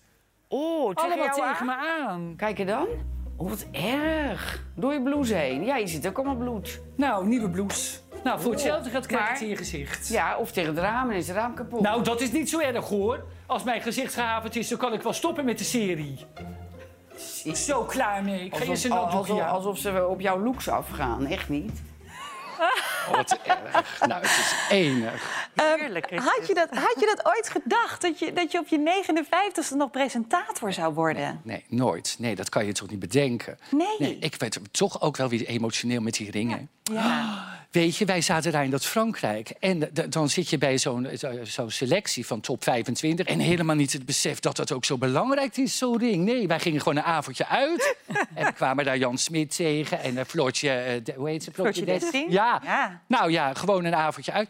Nou, en dan ga je winnen. Ja, fantastisch, Ja, toch? zo leuk. Hoe verklaar jij nou zelf dat enorme succes? Wat, wat, wat is dat? Ja, nou ja, dat Château Meiland. Ik denk dat mensen eh, zeker ook eh, in de, met de coronatijd behoefte hebben aan gewoon veel good TV heet wat volgens mij. Gewoon lekker eh, op die bank. De- niet elke keer weer over dat corona, want er waren natuurlijk zoveel programma's die dat elke avond maar weer. Nou, en dan gewoon lekker zo naar die familie zitten kijken. Nou, en, Jullie en- waren al populair voordat er corona ja, was. dat weet ik. Dat is eigenlijk ook zo. Maar dat Ja. beseften wij toen helemaal nog niet. Nee. Nee, want dan kwamen de mensen uit die auto en die zeiden... beseffen jullie wel dat jullie helemaal hot zijn? Dan zeiden wij, hot? Ja. Dat had je helemaal niet in de Nee, gaten dat hadden wij in het begin helemaal niet door. Ja. Nee. Wat natuurlijk een beetje het gevaar is als je heel veel succes hebt... is dat dat succes te veel uitgemolken zou worden. Maak je je daar wel zorgen over? Dat je- Nee, weet je, dan zeg ik inderdaad, dan lees ik wel eens dat... eh, eh, Martin Meijert is te veel met, met zijn hoofd op tv. Nou, dan kijk ik naar jou. Jij bent natuurlijk ook vijf keer, vijf keer per week met je hoofd op tv. Ja. Wat is daar mis mee?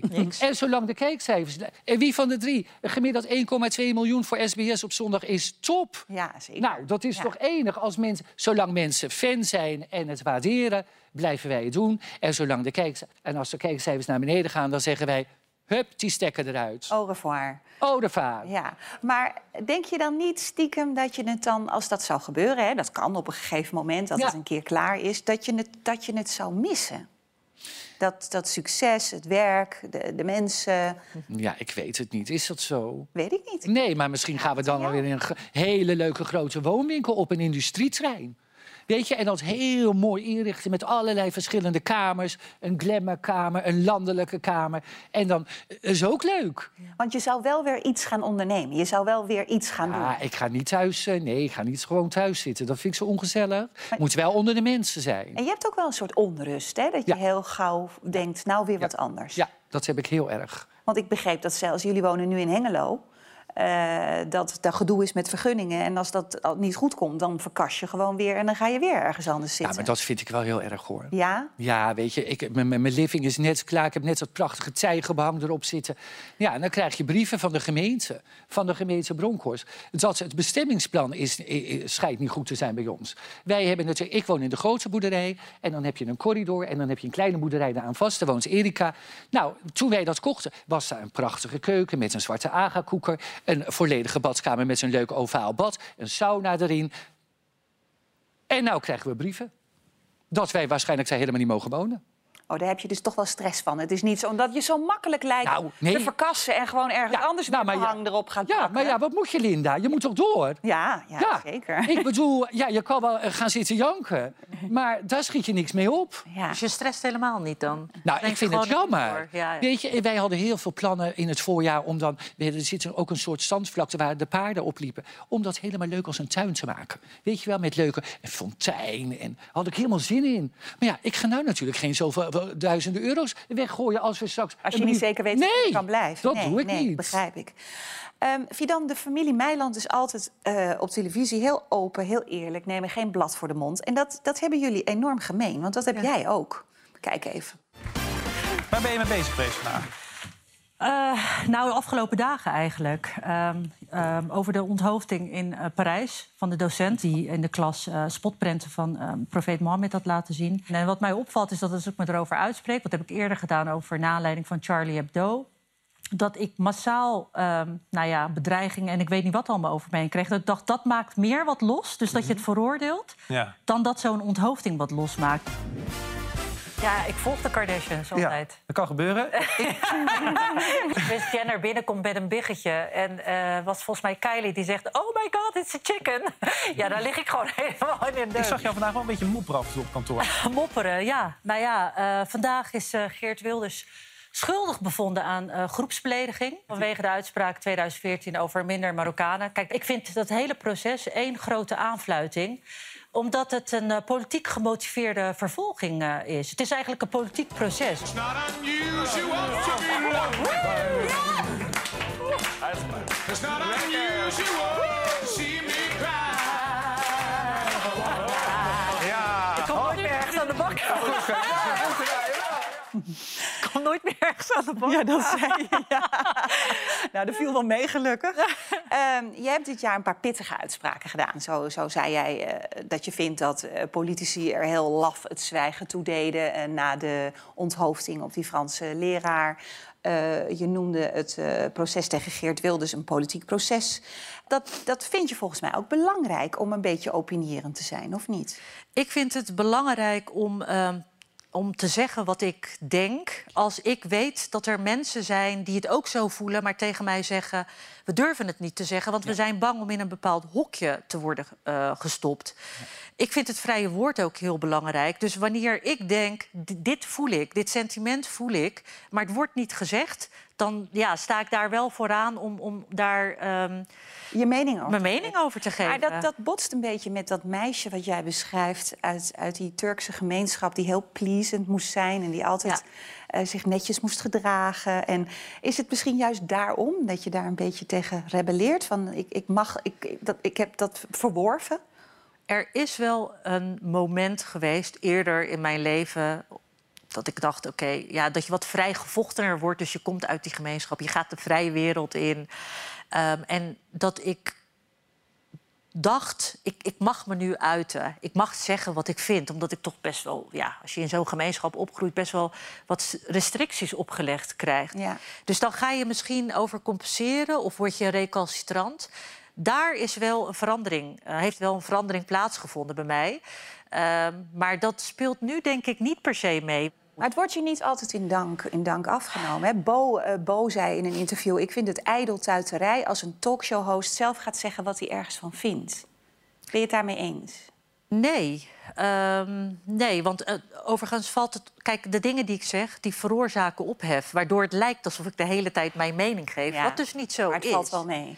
Het valt hartstikke mee. Ja. Um, um, en het wordt al langer gedaan. Sonja Barend deed het ook. Ja, en die gaf ook haar mee. En die kreeg ook heel veel haat mail, haatbrieven, begreep ik. Ja, brieven nog in die tijd. Ja. ja. Dus, ja, die was aan de ene kant heel geliefd... maar er was ook een, een, groot deel van de Nederlanders... die Sonja echt niet leuk vonden... omdat ze zo'n uitgesproken mening had. Maar dat zij is een voorbeeld voor jou? Zij is een enorm voorbeeld voor mij. Ja, absoluut. Ik, ik ben echt, I adore her. En ook omdat ze dus geen blad voor haar mond neemt... Uh, zoals onlangs nog op tv. Toen dacht ik, jemig, wat is ze ook nog zo ja, helder, scherp...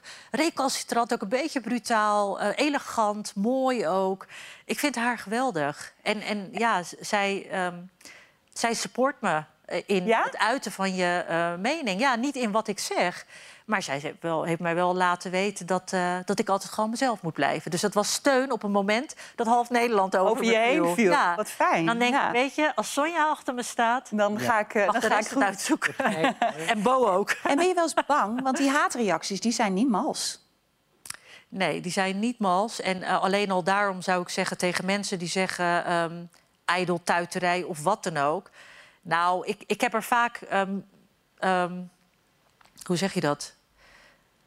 Het heeft vaak ne- vaker negatieve gevolgen voor mij dan positieve gevolgen. Ja. In de zin van dat ik minder schijnwerpers, hoe zeg je dat? Ja, de leuke, de leuke kanten ervan eh, zijn eh Nee, nee. want Je, tegen... je, steekt je, wel, je steekt wel je nek uit. En nogmaals, ja, over die Franse do- eh, docent. Ik, ik liep al dagen op de redactie rond met... ehm, ik wil dit graag zeggen. Volgens mij hadden we de dag ervoor hadden we een docent... die echt bang was en daar ging zitten, wat ik al heel moedig vind... Die kreeg ook enorm bagger over zich heen. En ik weet nog dat ik echt ter plekke op dat moment ook dacht... ja, weet je, je kan niet van zo'n docent vragen dat zij in de klas haar nek uitsteekt... wanneer de politiek daar niet is om haar... En iemand je bekt eigenlijk. Dat iemand je bekt. En, en eh, ik, ja, ik zou dus voor die uitzending zou ik die statement maken. En daarna had ik helemaal zoiets van de volgende dag... nu ga ik het zeggen ook. Nou ja, dat heeft wat losgemaakt in die zin... Dat, dat ik dacht van, nou ja, er staat straks iemand eh, met een kalasjnikov voor mijn deur. Dat was heel heftig. Ehm, dus nee, je doet dit niet om, omdat je er per se ja, uit ijdeltuiterij... Ik vind dat ook, ja, sorry, dat maakt me dan ook zo kwaad over. Dan denk ik, ben je nou naïef? Ehm, of wat, wat is het nou? Bel me op, vraag me hoe het zit. Dan kan ik jou vertellen dat het allesbehalve ijdeltuiterij is. Denk je dat je dit heel lang blijft doen? Want je bent iemand die ook graag ineens weer wat anders onderneemt. Ehm, mijn mening blijft... Nee, eh, de vooravond. Oh, de vooravond. Oei. Eh, ik, ik kan er echt niks over zeggen. Kijk, ik vind, eh, ik vind dat Rens is echt een volleerd, getalenteerd, ehm, getalenteerde presentator. Ik vind hem echt geweldig. Ik zie mezelf niet per se als presentator. Ik ben meer iemand die gewoon roept wat ze denkt. En eh, ik ben, ga het debat graag aan. Ik zwengel een debat graag aan. Ehm, en ik ben eh, onrustig ook. Dus Ja, ik wil van is, alles jij hebt dat ja, ook, hè? Ja. Ja. Ja, ik wil films maken, ik wil documentaires maken. En ik zeg dat van Renze, omdat ik denk... ja, Renze, ehm, ja, die, die gaat echt sky high. Eh, en op een gegeven moment ook wel zonder mij, denk ik. Oh god, dat moet ik dan waarschijnlijk niet zeggen... want dat is dan weer ergens een kop. Ik begin tegenwoordig ook in koppen te In denken. koppen, oh, dat doe ik al Ja, mijn hele leven. Ja. Oh, dat kende ik niet. Ja. Ik heb dat sinds de In koppen denken. Altijd Ja. als je wat zegt, denken... oh, dat wordt die Ja. regel Ja, en dat, staat zo met in dat blad en Ja. dat blad. Nou, ik vind het in Oh. elk geval even damage control. Ik vind het hartstikke leuk om te doen. En echt een van de leukste dingen wel. Ehm, die, ik, eh, die ik heb gedaan, denk ik wel. Omdat het, het klikt gewoon heel erg tussen ons. En ik voel me erg op mijn gemak. Nou, dat merk je ook wel, denk Ja. ik, door de dingen die, Ja, zeker. die ik roep. Ja, Dat ja. is belangrijk. Voordat wij eh, naar eh, de dingen gaan kijken die jullie stom vinden... in jullie stomlijstjes, wil ik graag even naar dingen die jullie leuk vinden.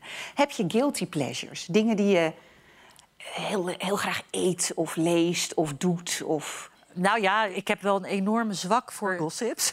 Ja? Glossies, waar, waar het gaat over celebs. Ik weet echt alles over Brad Pitt. En ehm, alles over... Echt? Ja. Oh ja, maar ik De ook. wel, Kardashians, ja, ken je dat? Meghan Markle, ja. Oh ja. Oh ja, en, Meghan. en, en make-up.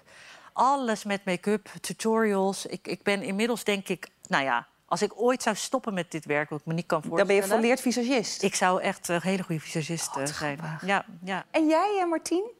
Ik, eh, bij ons, de pleasure was jaren geleden had je elke dag een bepaalde soap. En die heeft volgens mij in Amerika 40, 45 jaar op zijn buis geweest. As the World Tour. Oh god, ja. Meid, helemaal met Lu- Lucinda eh eh Emmy Snijder. Nou, meid, en dan kwamen wij van het werk.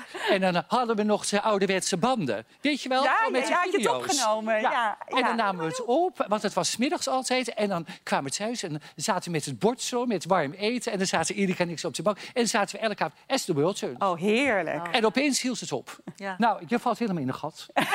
ja, wij vielen helemaal in een gat. Ja, ja, ja. Daar was ik ook fan van. Ja, As the World. We gaan naar jullie eh, stomlijstjes kijken. Eh, ik begin met die van Fidan. Je hebt een hekel aan roddelen en klikken. Eh, je chaotische inborst vind je stom. Ja. Ben je chaotisch? Dat is echt heel erg, ja. Ik probeer altijd vol te houden, of ja, mijn best te doen om het niet te laten zien, maar dat duurt nooit zo heel lang. En blijkbaar heb ik ook een reputatie. Ook mensen die ik echt voor het eerst zie, Ja? de make-up of eh, stylist of iemand. Ja, ja, je bent wel echt een enorme chaot. Als ik dan zeg, oh, ik kan iets niet vinden, ja, je bent wel een enorme. En dan denk ik, oh, met wie heb jij gepraat? Ze weten Ja, het al van Ze je. weten het al van me, ja. Eh, harde muziek in de trein. Reis je met de trein? Ja, Altijd? nou vaak wel. Ja, ik ben eh, wel OV. Ja, en dan erger je aan mensen die heel hard muziek op. Ja, ik vind dat zo onbeschoft. Maar ook gewoon, ja, zet het gewoon wat zachter. Volgens mij is het ook slecht voor je oren. Ik, ja, ik ben heel erg iemand die ook... eh, Heb, ik heb van huis uit ook meegekregen van hou rekening met de mensen om je heen. En eh, ja, zet het gewoon wat zachter. Jaloerse vrouwen. Ja, oh, ik kan zelf ook wel jaloers zijn trouwens. Oh ja? Ja? En dan, en dan, In een relatie, ja, niet ja. daarbuiten niet. Oh, oké. eh, In een Nee, nee, relatie. nee. Ik ben juist heel erg iemand. Ik, ik heb wel vriendinnen die dat dan kunnen hebben. Ik heb bij eh, vrouwen die ik mooi vind of succesvol vind, dat, dat trek, daar trek ik me aan op. Dan, Daar word ik alleen maar vrolijk en gelukkig van. Dus, Maar binnen dus een relatie kan je wel jaloers Ja, ik kan ook best wel. eh, laten we gewoon eerlijk blijven. We gaan eh, naar het lijstje van Martien.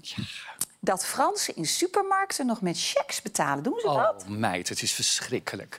Dat is vreselijk. Dan sta je in een hele lange rij. Nou, en dan ben je eindelijk bij die kassen, bij die lopende band. Dan gooi je die dingetjes op. Staat die vrouw voor jou. Dan gaat eerst die tas open. Dan moet er eerst een pen worden gezocht. En vaak zijn die tassen heel groot, dus het ligt ergens helemaal beneden. Dan komt dat checkboekje eruit. Nou, dan moet dat eerst helemaal ingevuld worden. Dan gaat ze nog een beetje socialiseren met, met, met de cashier. Nou, dan sta je toch op hete kolen. Dat dat nog bestaat. Checks. Ja. Nou, het is echt niet te doen. En je vindt ook mannen die geen sokken dragen stom. Dat is een enorme trend, hè? Ja. Het blote voetje in de, in de loof. Ja, nou dat dus. Maar het wordt nog erger dat er dan ook nog bijvoorbeeld een heel strak broekje daarboven zit. En dan met zo'n opgerold pijpje. Ja. Dat je ook die enkeltjes, die witte enkeltjes ziet, denk ik, waarom doe je dat? Wat lelijk. Dat is nee, vind ik vreselijk. Mensen die niet opnemen als je belt, vind je Ja. ook stom. Nou, mijn Erika. Dan denk ik, waarom heb jij een mobiel? Dan bel ik haar. En dan altijd op die voicemail. Dat, dat is toch vreselijk? Ze neemt niet op. Ze Maar neemt niet op. Ze is bezig of ze hoort het niet. Ja, nou, dan is ze altijd bezig. Ze moet gewoon die telefoon bij zich. Dierenleed vind je stom. En mannen die half liggend autorijden. Oh ja. Dat zijn vaak van die hele wat kortere mannen. En die zitten dan in die auto en dan een beetje laag, zo weet je wel. En dan in ze achteruit en dan doen ze zo. Oh ja, ja, ja. zo met dat oh stuur ja. zo, weet je wel. Om dan stoer. Mannelijk, stoer. Ja, Ja, de arm zo uit het raam dan. Oh, en dan ook harde muziek op. Vreselijk. Ontzettend stom. Ja. Goed jongens, het zit, er, het zit er bijna op. Ik ga eens even kijken wat jullie in de goodiebags eh, eh, gestopt hebben. Want jullie mochten allebei twee favoriete producten noemen. En die hebben we in een eh, leuk tasje gedaan. Wat we zo aan jullie gaan uitdelen. Ik zie allemaal hele gespannen kopjes van wat zou erin zitten.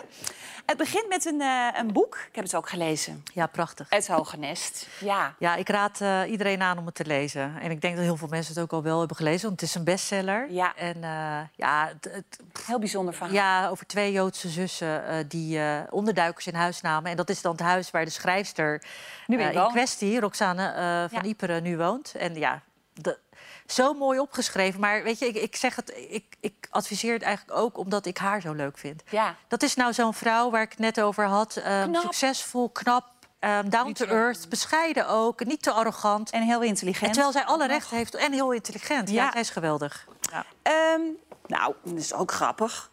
Want jij vond het zo stom eh, zonder sokken. Dus er zitten eh, sokken in. Jouw favoriete sokken. Dit zijn hele grappige met iets met tequila en, en eh, Ja. cactussen. En, En dat is van eh Fish Named Fred. En dat vind jij leuke sokken? Ja, meid, die hebben niet alleen leuke sokken, maar die hebben ook hele leuke... Ik heb alles aan altijd. Ik hou ook zo van prinsen. Zij hebben bijvoorbeeld in de collecties ook hele leuke bloesjes. Kijk, daar zit dan dat bloemetje. Her- Herken je het? Ja, een zonnebloem. Ja, nee, dat is, Is Van Gogh? het, van Gogh, van dat Is het Van oor. Gogh? Ja, Oh, van het oor. ja, van dat... Ja. Dat je me even helpt herinneren. Ja, Ja, nee, dat, dat ik weet welke Van Gogh je bedoelt. Ja. Jullie krijgen ook nog, ook van Martien, een stukje zeep.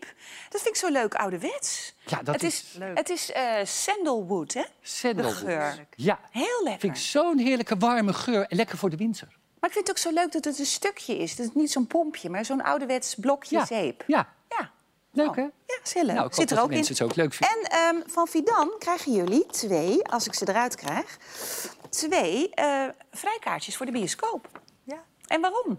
Omdat ik een filmliefhebber ben. Eigenlijk zou ik moeten zeggen filmverslaafd. Heel Echt opgegroeid Echt? met ouders die filmliefhebber zijn. En Ja, keek je veel films met je ouders? ontzettend. Ja, mijn vader kwam echt met ladingen VHS-banden die hij dan ergens haalde. Het waren dan Turks gesproken, maar dan wel Bruce Lee, die dan Turks spreekt. Bruce Lee, Jarenlang gedacht dat het een Turk was. Clint Eastwood net zo trouwens. Geweldig. Ja, gewoon echt. eh, is met uh, paplepel ingegoten. En, uh, nou, lekker uh, ja. naar de bioscoop. Dat Ja. zit er ook in. We gaan de tasjes zo uitdelen. Het, eh, het zit erop. Dit was het voor deze zondag in de wintermaand. Ik bedank heel hartelijk mijn leuke gasten. Fidan Ekis en Martien Meiland, dank jullie wel. Volgende week dan zitten hier Natasja Harneken en André Hazes. En ik hoop dat u met heel veel plezier heeft gekeken... want dan zien we elkaar weer aanstaande zondag hier bij SBS 6. Dag. Dit was de podcast van Linda's Wintermaand. Luister alle afleveringen terug via linda.nl slash podcast.